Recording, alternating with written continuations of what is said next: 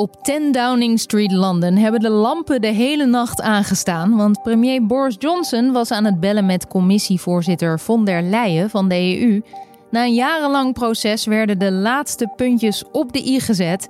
En nu is de Brexit-deal dan eindelijk bezegeld. Dit wordt het nieuws. Volgens een uitgelekte uh, analyse heeft het Verenigd Koninkrijk namelijk op 28 punten gewonnen, als je, als je dat zo kan zeggen, tegen 11 punten van de EU. En de regering Johnson stelt dat het uh, op 27 punten een compromis is geworden.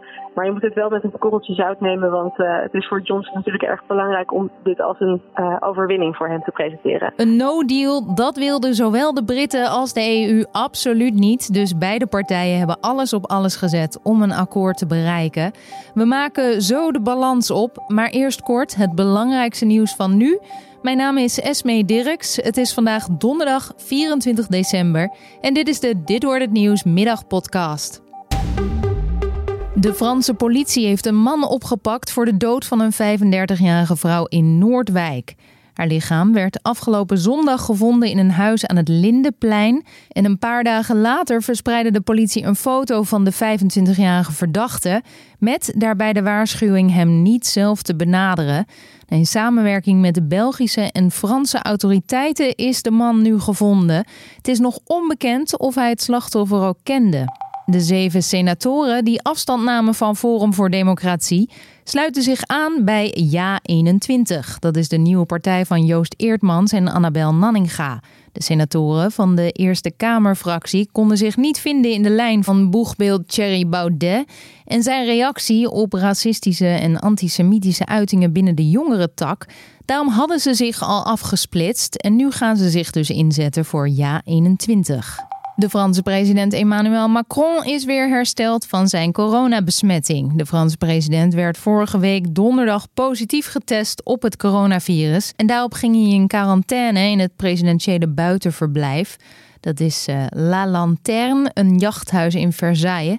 Nou, de president vertoont inmiddels geen symptomen meer en heeft daarom zijn quarantaine beëindigd. het nationale aftelmoment gaat toch door. En dan in de Johan Cruijff Arena. Dat meldt burgemeester Halsema van Amsterdam. Eerder besloot ze het evenement af te gelasten omdat ze ondanks het besloten karakter bang was voor te veel aanloop. Maar in de arena bestaat dat risico niet, omdat het dak gewoon dicht zal blijven. Vanaf uh, half elf begint de terugblik op het jaar. En om tien voor twaalf wordt dan live afgeteld, met daarna een lichtshow. Een Canadese goudzoeker heeft een bijzondere vondst gedaan in de regio Yukon. Het gaat om een gemumificeerde wolvenpup van 57.000 jaar oud. Het dier was ontdooid uit een laag ijs en is bijna volledig intact. Dat is bijzonder. Het enige wat ontbreekt zijn de ogen. En uh, daarmee is het de meest intacte wolvenmummie die ooit gevonden is. Doordat het jong zo goed bewaard is gebleven, kunnen biologen veel leren over het leven van wolven tijdens de prehistorie.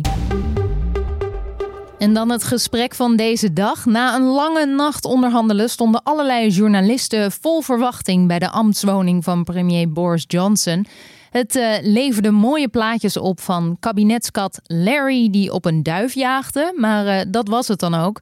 De beloofde persconferentie kwam uiteindelijk pas om 4 uur Nederlandse tijd, vlak voor kerstavond notabene. En wat we eigenlijk al wisten, ja, dat bleek. De EU en het Verenigd Koninkrijk hebben een akkoord bereikt over hun handelsrelatie vanaf 1 januari. En daarmee is de Brexit-deal dus bezegeld. De onderhandelingen werden op het laatste moment nog eh, beheerst door VIS. Dat vertelt economieredacteur Lisa Boerop. Het probleem is dat het eh, Verenigd Koninkrijk en de EU eigenlijk opnieuw moesten afspreken hoeveel ze mochten vissen in elkaars wateren. Uh, dat hebben ze vorige keer ergens in de jaren 60 afgesproken. En die uh, regels zijn vervolgens overgenomen door de Europese Unie. Maar dat moest dus allemaal uh, opnieuw. Uh, want uh, zonder deal hadden de Europese vissers niet meer mogen vissen in de economische zone van het Verenigd Koninkrijk. En dat is lastig, want daardoor missen ze veel inkomsten. Die zone die loopt namelijk ongeveer tot halverwege de Noordzee. Um, en daar is heel erg lang over over onderhandeld. En uh, we weten eigenlijk nog steeds niet precies wat de uitkomst van die onderhandelingen nu precies is. Maar het lijkt erop dat een kwart van de Europese visvangst in uh, Britse wateren nu naar de Britten toe gaat in de komende vijf en een half jaar. Oké, dus, dus uh, de visserij, daar draaide het nog om. En gaat dat dan over de grenzen binnen de wateren of zit dat dan anders? Nee, die grenzen binnen de wateren die blijven eigenlijk hetzelfde lopen. Uh, de, het Britse water loopt zo ongeveer tot halverwege de Noordzee, zeg maar. Het gaat eigenlijk vooral om hoeveel vis vissers mogen vangen in welk gebied. En die afspraken zijn nu dus opnieuw gemaakt. Oké, dus hoeveel, hoeveel haring mag een EU-visser vangen? Of, of makreel? Ja, precies. We hebben echt naar alle vissen gekeken, afzonderlijk. En daarom duurden de onderhandelingen ook zo lang op dit vlak. Oké, een interessante uh, eindstrijd. Uh, om welke andere oneenigheden draaide het nog op het laatste moment? Of is het echt alleen maar over die visserij? Ja, het ging vooral over de visserij, maar ook Ierland was heel lang een heet hangijzer. Uh, in de jaren negentig zijn natuurlijk in het Goede Vrijdagakkoord afspraken gemaakt om nooit meer een harde grens uh, tussen Ierland en Noord-Ierland te laten lopen. Maar bij een harde brexit zou dat uh, wel het geval zijn zonder afspraken daarover. Um, dus daar hadden de Europese Unie en het VK, Verenigd Koninkrijk afspraken over gemaakt. Nou, een paar maanden geleden uh, blies Johnson eigenlijk die afspraken weer op. En twee weken geleden is dat weer hersteld. Dus uh, ja, die, die onderhandelingen die uh, verliepen ook moeilijk, maar nog net iets makkelijker dan over de visserijsector dus. Oké, maar heb je enig idee wat daarin besloten is? Nee, we weten eigenlijk nog heel weinig uh, details uh, over de inhoud van de afspraken. Oké, de, de premier die tweette heel trots zojuist, de deal is done. Wordt Boris Johnson nu door de Britten dan ook echt onthaald als een, als een held? dat is inderdaad wel de toon die Johnson aanslaat. De Europese Unie die, die heeft het eigenlijk over een partner en is blij en opgelucht met de deal. Terwijl Johnson zegt dat hij trots is dat het Verenigd Koninkrijk eindelijk weer zijn eigen gang kan gaan. Weer zijn eigen regels kan bepalen. En uh, ja, dat is eigenlijk wat Johnson de hele tijd zegt. Ja, ja. En, en de Brexit was natuurlijk ook het stokpaardje van zijn uh, premierschap. Maar in hoeverre is het draagvlak voor de Brexit veranderd na deze ja, jarenlange onderhandelingen? Nou, het draagvlak was natuurlijk al niet zo heel erg groot. Uh, in 2016 was het Brexit-referendum en toen stemde 51,9% voor de Brexit. En uh, we weten niet precies hoe groot het draagvlak nu is, maar afgelopen juni is er nog een keer een peiling gehouden. En toen was uh, 56,8% tegen de brexit, dus voorstander om in de EU te blijven. Oké, dus als je ze nu naar de stembus zou laten gaan uh, om voor of tegen de brexit te stemmen, dan zou, dan zou het misschien nog wel um, uh, minder, minder Boris Johnson gezind zijn. Ja, wie weet, ja. Premier Johnson stond erom bekend al, al een tijdje weinig water bij de wijn te doen. En als we dan kijken naar wat de inzet was aan het begin van deze onderhandelingen en de deal die ze nu uiteindelijk sluiten, uh, mogen beide partijen dan tevreden zijn? Nou, dat uh, is nog niet uh, echt te zeggen, omdat we dus, nou ja, zoals al gezegd, weinig inhoud van de deal kennen. We weten wel dat de voorzitter van de Europese Commissie, Ursula von der Leyen, die, die spreekt van een uh, evenwichtige deal.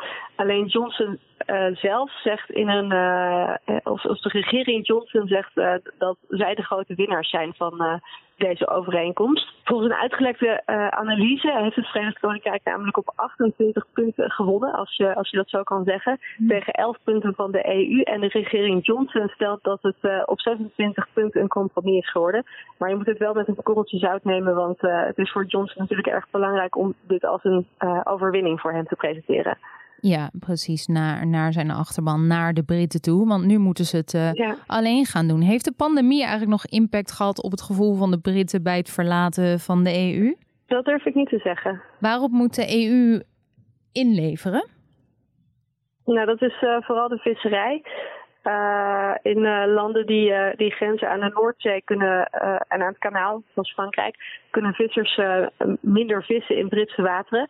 En uh, ja, dat, dat is wel echt lastig voor ze. Die gaan dan uh, inkomsten verliezen. -hmm. En, en wij um, gewone mensen, niet-vissers, wat gaan wij er nou concreet van merken? Nou, wij gaan er eigenlijk heel, min, heel weinig van merken. Uh, tegen de tijd dat we weer met z'n allen op vakantie kunnen, dan zal je merken dat als je daar de grens over gaat, dat dat ook echt meer voelt als een grens. Uh, als je vanaf 1 januari de grens met het Verenigd Koninkrijk oversteekt, dan zal je een paspoort moeten laten zien, terwijl dat op dit moment nog niet hoeft. Uh, en bagagecontroles worden strenger en het wordt ook een stuk moeilijker om naar het Verenigd Koninkrijk te verhuizen. Oké, okay, en is het dan nu klaar? Nemen we dan nu afscheid van het Verenigd Koninkrijk en dat is het? Nou, wat er nu gebeurt is uh, ook nog niet helemaal duidelijk. Uh, normaal gesproken had de deal moeten worden goedgekeurd door het Europees Parlement en door de parlementen van uh, afzonderlijke lidstaten. Maar dat is echt een proces van maanden. Want om dat te doen, moet je de tekst van meer dan 2000 pagina's vertalen naar alle talen van de lidstaten. En moet die tekst vervolgens door juristen worden uitgekant. Maar daar is geen tijd meer voor. Dus een optie is dat de Europese Raad, dus de leiders van alle EU-lidstaten, ervoor stemt om de deal vast in werking te stellen vanaf 1 januari. En dat het Europees Parlement dan pas na de jaarwisseling de deal goedkeurt. Oké. Dat, uh, dat wordt nog een hele klus, dat vertaalwerk dus. Ja, zeker. Maar dan is het wel, um, dan is het klaar. En dan, dan uh, moet Schotland dat ook maar uh, gewoon accepteren. Ja, ja, en de vraag is of Schotland dat doet. Want um, de Schotse premier heeft al aangekondigd dat het uh, nu een eigen weg wil gaan. En dat het tijd is voor Schotland om een eigen toekomst op te bouwen als een onafhankelijke Europese natie. Dus dat wordt uh, het volgende hoofdstuk van dit Brexit-verhaal misschien? Ja, ja, nog een referendum. Alleen dit referendum moet wel eerst worden goedgekeurd door Boris Johnson. En dan nog het weer. De regenwolken verlaten zo langzamerhand het land, maar tegelijkertijd komen er vanaf de Noordzee weer losse buien aan. In de avond is het wisselend bewolkt. In de avond is het wisselend bewolkt met vooral aan zee kans op regen en een wat harde wind vanuit het noorden. Het koelt af tot een graad of nul vannacht. En eerste kerstdag verloopt bewolkt en in de kustprovincies kan een winterse bui vallen. Dat wil niet zeggen sneeuw, maar wie weet, de temperatuur loopt op naar zo'n 6 graden. En dit was de middagpodcast van nu.nl. We gaan kerstavond in, dus ik wil je hele fijne feestdagen wensen. En aan de luisteraars die het dit jaar door de coronacrisis of om welke andere reden dan ook eh, moeilijk hebben tijdens kerstmis. Jou wens ik heel veel sterkte en uh, mooiere tijden. Wij gaan er ook even tussenuit hier bij uh, Dit wordt het nieuws. Maar maandag zijn we er gewoon weer met een nieuwe podcast. Tot dan!